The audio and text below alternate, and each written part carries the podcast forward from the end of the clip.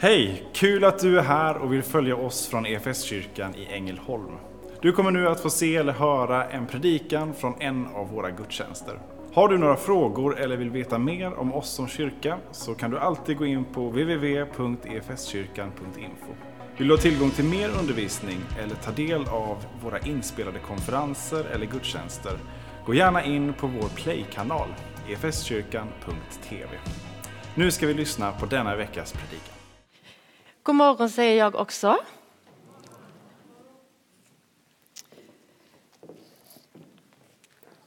Tack för det underbara kompet till den fantastiska salmen.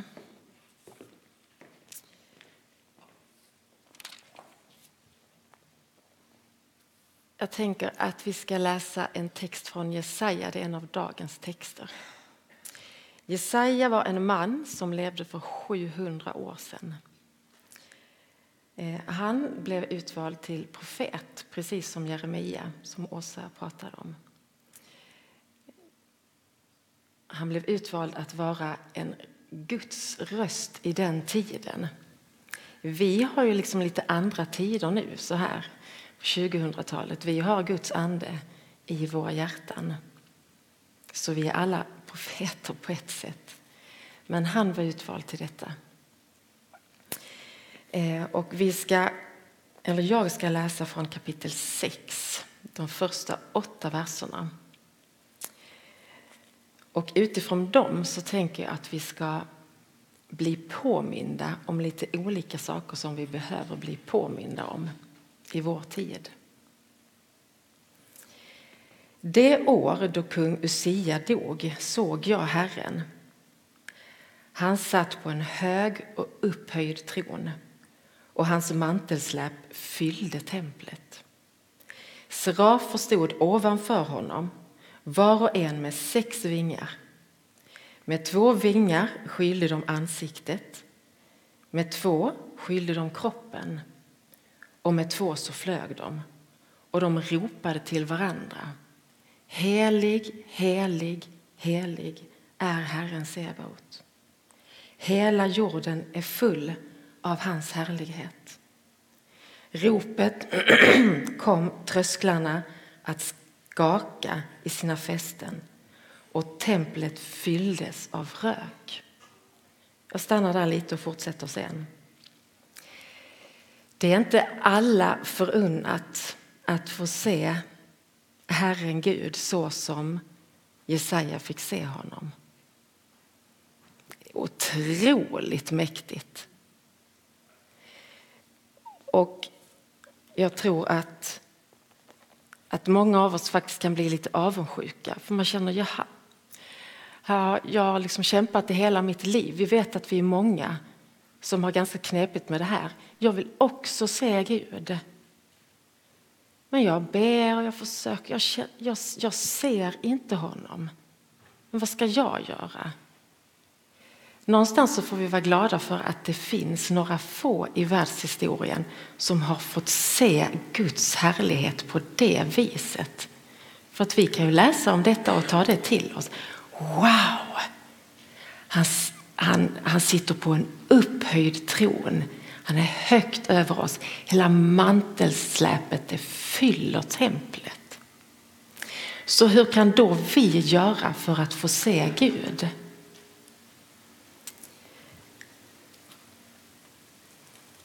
Jag tänker att vi ska ofta påminna oss om, om historien. Han levde för jättelänge sedan. Han hade inte sett den här tiden som är nu. Såg inte när Jesus kom, han såg inte år 1000, år 1500, 2000, utan han såg då. Vi har historien att vila i. Det är en fantastisk Guds famn att vila i. Vad har, Jesus, vad har Jesus gjort i historien? Vad har Gud gjort i historien? Han har gjort hur mycket som helst. Vad hände när, när, när Jesus kom till jorden, när han dog och han uppstod? Han förvandlade en hel värld. När Jesus gick här på jorden så sa han till de små barnen, jag tycker om dig, du har ett värde. Det fanns inte, den tanken fanns inte innan Jesus kom. Där tänker man, barn de är inga viktiga. De kan, se, de kan leka på en sophög eller så kan de dö på en sophög, det spelar ingen roll. Så kommer han och säger men du är viktig. Han sa till kvinnor, ni är viktiga, ni har ett värde. Han sa att alla har ett lika stort värde. Alltså det är ett grymt, det förvandlade hela historien. Och nu så är det självklart för många av oss i världen, men många har glömt bort att det är Gud själv som har sagt detta. Att alla har ett värde.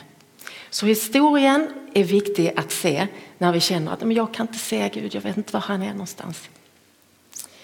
Gudstjänsten är otroligt viktig. Det är inte meningen att vi ska bilda Guds uppfattningen i oss själva, för det kan vi aldrig. Gud är så mycket, tänk bilden. Han sitter högt upp, han är så mycket större.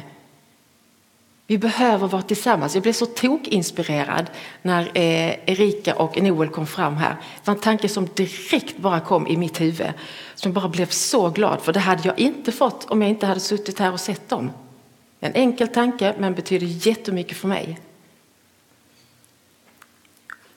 Och att vi har möjligheten att vara nära Gud alltid genom den heliga Ande. Vi ska vara så glada för att Jesus valde, att Gud själv valde att dö, uppstå och sen dra sig upp till himlen igen och lämna sin ande här till var och en istället för att vara kvar här själv. Vi hade inte kunnat träffa honom allihopa, men nu kan vi det. Han finns här inne för var och en. Det är så stort.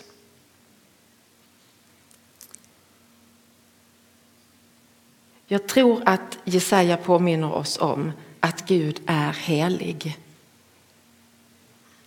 Vi lever i en värld där vi, det är inte mycket som är heligt längre, inte i vårt land Sverige. Vi på något sätt tänker att ja, men jag, bara, jag är mig själv nog. Men Gud är helig. Han är inte någon som bara springer våra ärenden. Det är också lätt att vi tänker, men Gud vad kan du hjälpa mig med idag? Ja, det är att göra Gud ganska så liten. Gud är mycket, mycket större än det.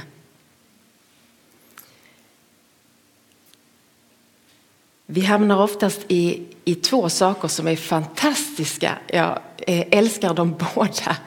Vi tycker om att grotta ner oss i det som vi själva skapar. Och det är bra, för att det fascinerar jättemycket. Igår till exempel, så, jag skulle inte alls vara hemma. Jag råkade sätta på tv, jag har inte sett på tv på två veckor tror jag.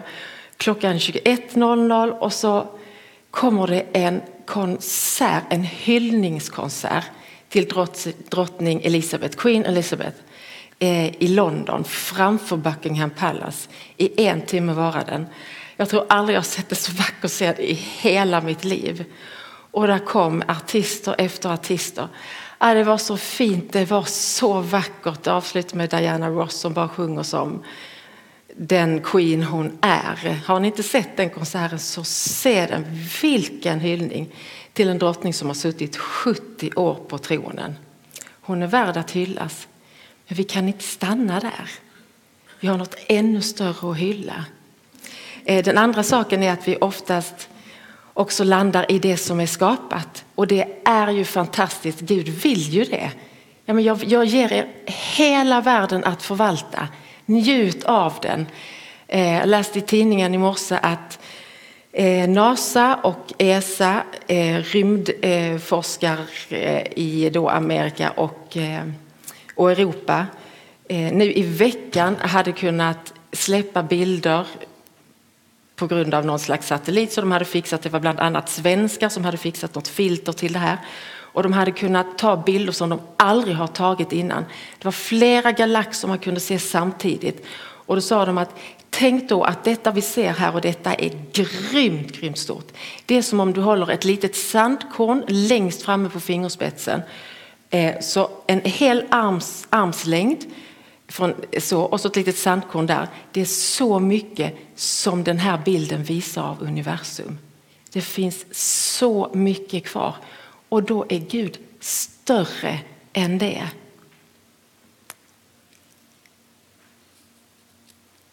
När vi säger att vi siktar högt mot stjärnorna så är det egentligen att sikta ganska så lågt.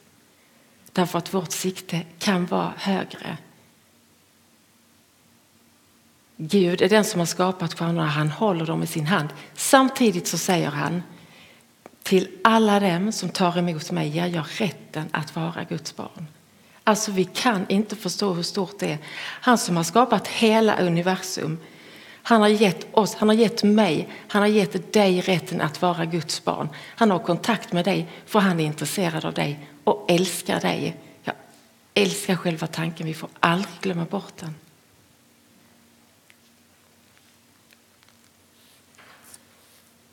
Sen fortsätter Jesaja så här i vers 5. Jag sa när han hade sett allt detta, ve mig, jag är förlorad.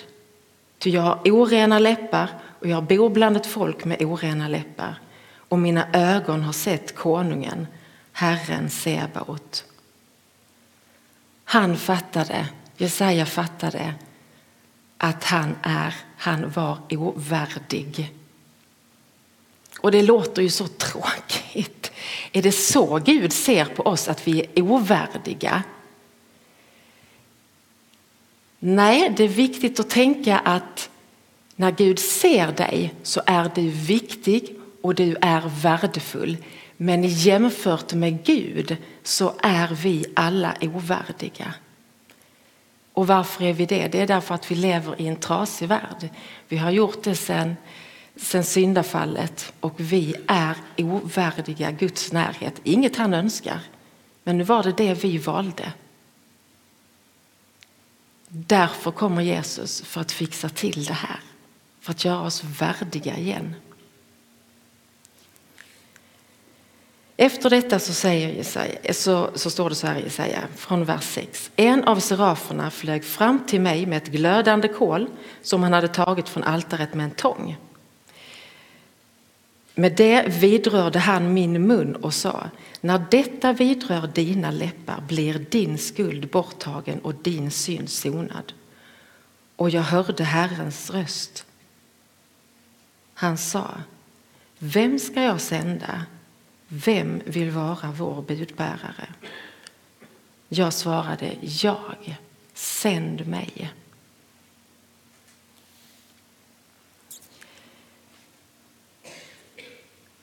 Det Jesaja gör här det är ju att han lyssnar. Det är bra att påminna sig om det. Det är viktigt att vi lyssnar. Dels så lyssnade han på seraferna, de som talade ord som var från Gud. Viktigt att vi eh, aktar vår gudstjänst högt, att vi lyssnar på ord som är från Herren, men det kommer att vara andra som säger det. Eh, han valde att lyssna på Gud, på Guds röst, han tog in allt det.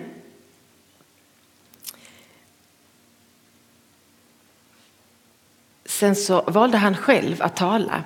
Han helt enkelt kommunicerar med Gud. Gud pratar och han pratar också. Ehm.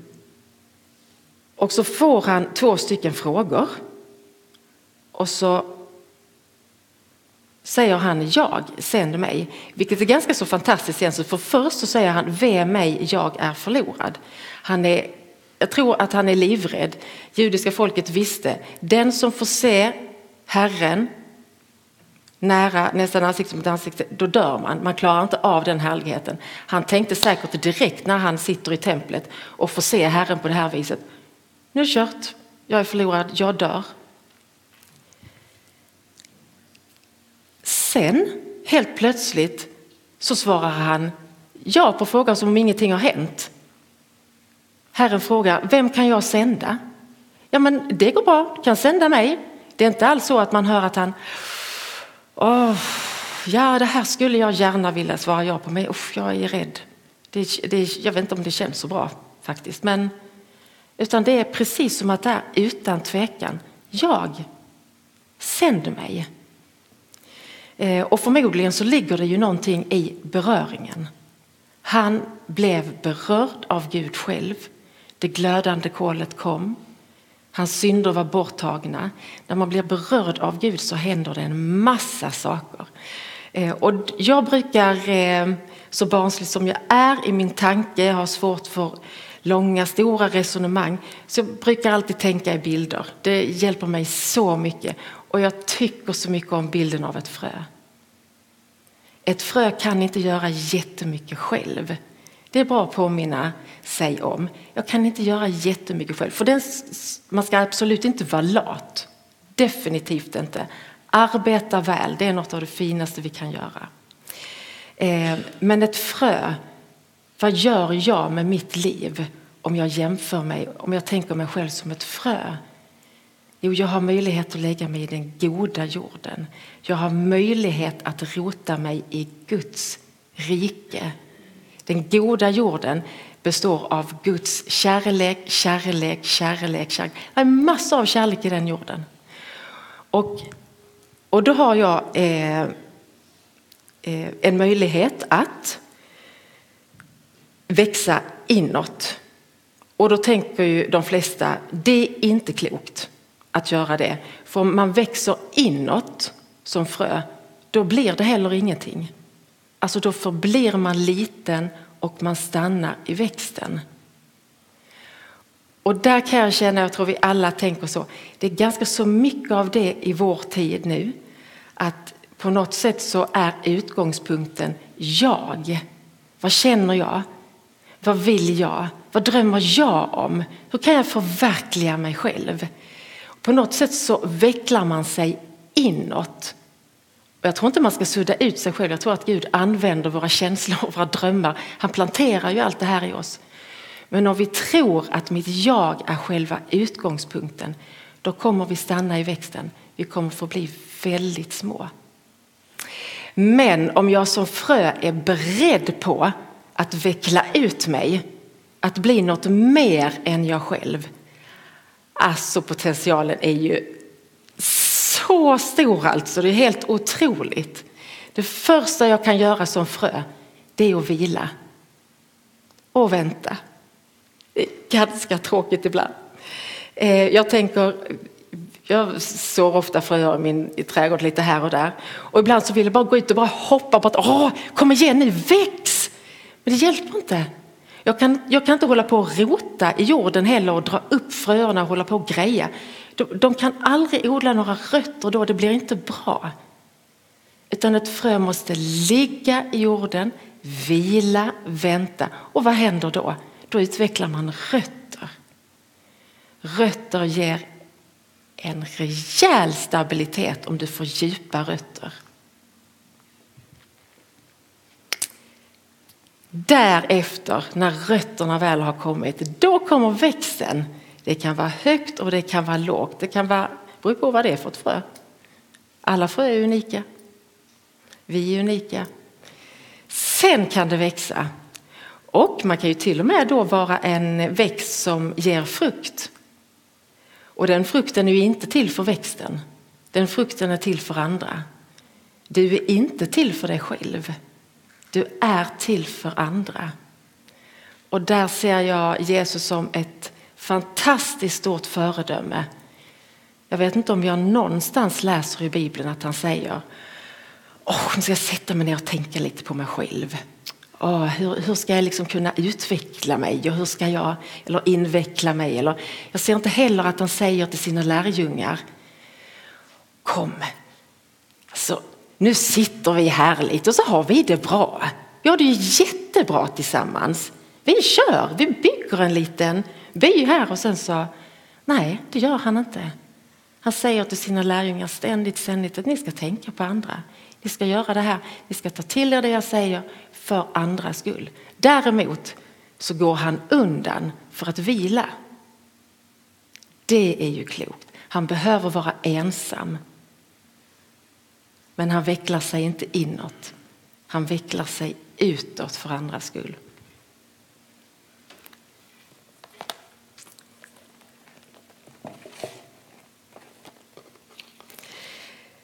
Sen så kommer vi då till det sista här.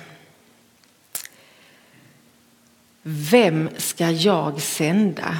Vem vill vara vår budbärare?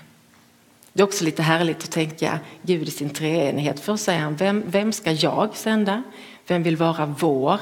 Precis som att man pratar med den helige ande och Jesus och alla änglarna, den, den andliga goda verkligheten. Och man kan ju undra, men varför behöver han hjälp? Han om någon är ju sig själv nog. Men han är kärlek. Kärlek vill alltid mer. Kärlek vill alltid mer än sig själv. Jag läste i en artikel för, för något år sedan. Ehm, det var en artikel av en psykolog som heter Anders Rydell. Han resonerar kring att utmattningstendenser i arbetslivet inte alltid är arbetsrelaterade. Och så skriver han så här. Något annat som kan sänka energi och motivationsnivån och i värsta fall leda till sjukskrivning är inställningen att verksamheten finns till för medarbetarnas skull. Medarbetare kan stånga sig trötta i försök att få jobba med projekt och arbetsuppgifter som de själva är sugna på utan hänsyn eller tanke på vad verksamheten behöver.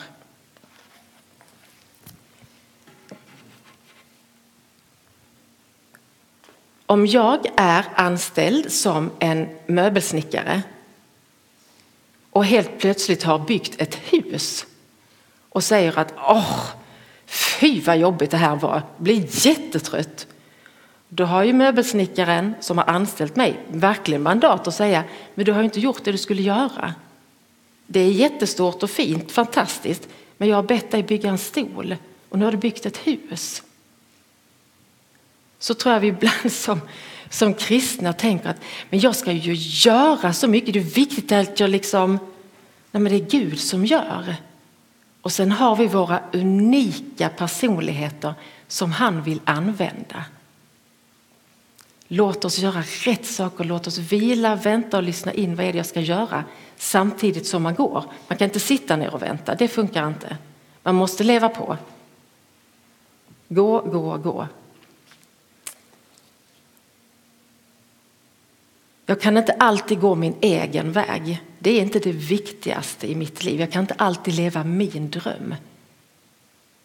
Är jag anställd av en möbelsnickare så är jag. Men han har förmodligen sett en talang i mig och den talangen vill han att jag ska använda. Han ser min personlighet och mitt sunda förnuft. Använd det, det vill han att jag ska göra.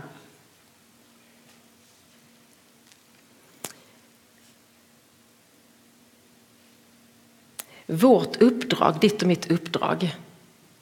Sånt där, och det är ibland det är så svårt att lyssna. Men hur ska jag göra? Vad ska jag?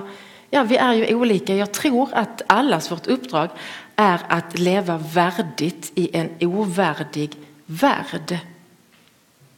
Och det kan vi aldrig göra själva. Därför att vi är ovärdiga. Det är bara genom Jesus som vi kan leva värdigt. Så om du råkar vara fattig, ja men då får du leva värdigt i din fattigdom. Och råkar du vara rik så får du leva värdigt i din rikedom. Är du sjuk så får, kan du, har du möjlighet att leva värdigt i din sjukdom. Och är du frisk så har du möjlighet att leva värdigt i din friskhet. Är du trött så kan du få leva värdigt i din trötthet. Och är du jättepigg, full av energi, då kan du få leva värdigt i det. Genom Jesus så blir vi värdiga aldrig själv. Så hur gjorde Jesus när han levde sitt uppdrag och vilket uppdrag hade han? Eh, det står i Markus 14 och 36. Abba fader, för dig är allting möjligt. Gud han säger detta när han är i Getsemane i djup ångest och bedrövelse. För dig är allting möjligt. Ta denna bägare ifrån mig. Men inte som jag vill, utan som du vill. Jesus visste att han skulle dö. Det är ju inte så att han nu helt plötsligt kommer på usch, jag ska dö. Nej, det har han berättat för lärjungarna flera gånger innan den här händelsen. Han vet att han ska dö. Varför vill han då att bägaren ska gå förbi honom? Är det bara för smärtan? Skulle det kunna vara. Men det är förmodligen, jag läser en bok nu som heter Korsfäst konung av en man som heter Timothy Keller. Den har säkert flera år på nacken. Den är så fantastisk. Jag läser den långsamt, eh, samma sida många gånger för att den är så djup. Och han, han förklarar lite grann om den här bägaren.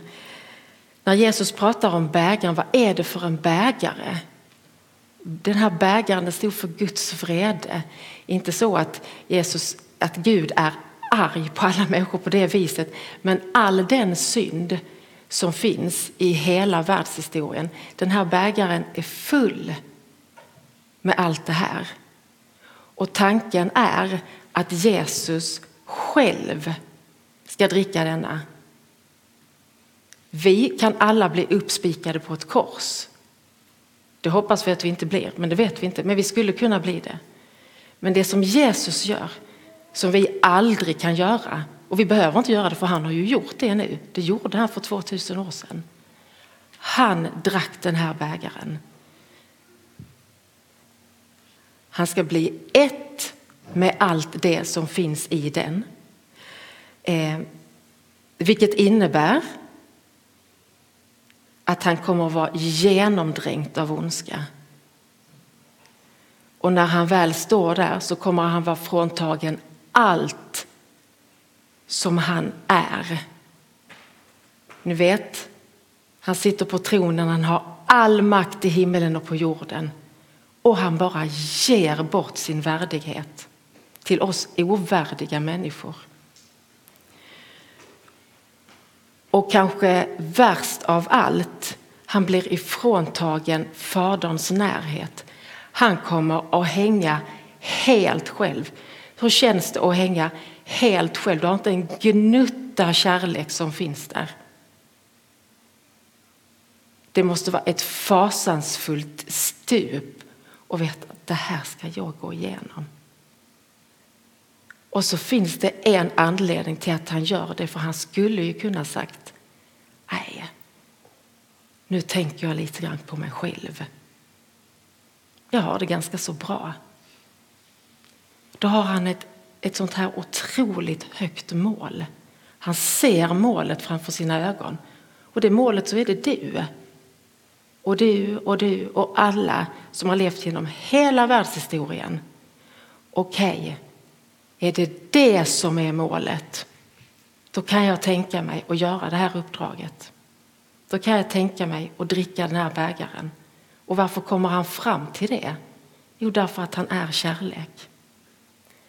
Och det är också en möjlighet som vi har, att bli ett med kärleken. Och det ändrar vårt sätt att se på vårt liv. För vad är ditt uppdrag? Det är att tänka på dig själv lite grann, men i grund och botten så är det inte det. Du tänker mycket, mycket större. Du tänker varför finns jag till? Jo, därför att Gud har skapat mig med en tanke för mitt liv och med den unika personlighet som jag har. Använd den, lägg fröet i den goda jorden och låt dig utvecklas. Inte invecklas. Den möjligheten har vi. Så innan vi avslutar här så, så ber vi en bön tillsammans. Tack gode Gud för saker som du påminner oss genom att vi får möjlighet att läsa i Bibeln. Vi har den här fantastiska skriften i vår ägo, att vi kan läsa. Att vi har en historia som vi kan vila i. Att vi alltid får finnas i din närhet. Vi tackar för att vi var och en får bli burna i dina goda varma händer. Tack för att du planterar oss i den goda jorden och låter oss växa. Och vi ber om beskydd och välsignelse över våra liv som ska levas till din ära. Amen.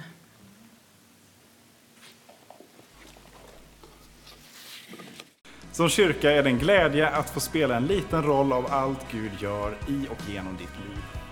Vi vill gärna fortsätta följa dig på den resan. Och vill du ta reda på vad ditt nästa steg kan vara på din resa med Gud så gå in på efskyrkan.info nästa steg. Vår längtan är att få se människor och samhällen förvandlade av Jesus. Genom en kyrka som återspeglar Guds hjärta, bär varandra och betjänar människor varhelst vi befinner oss varje dag.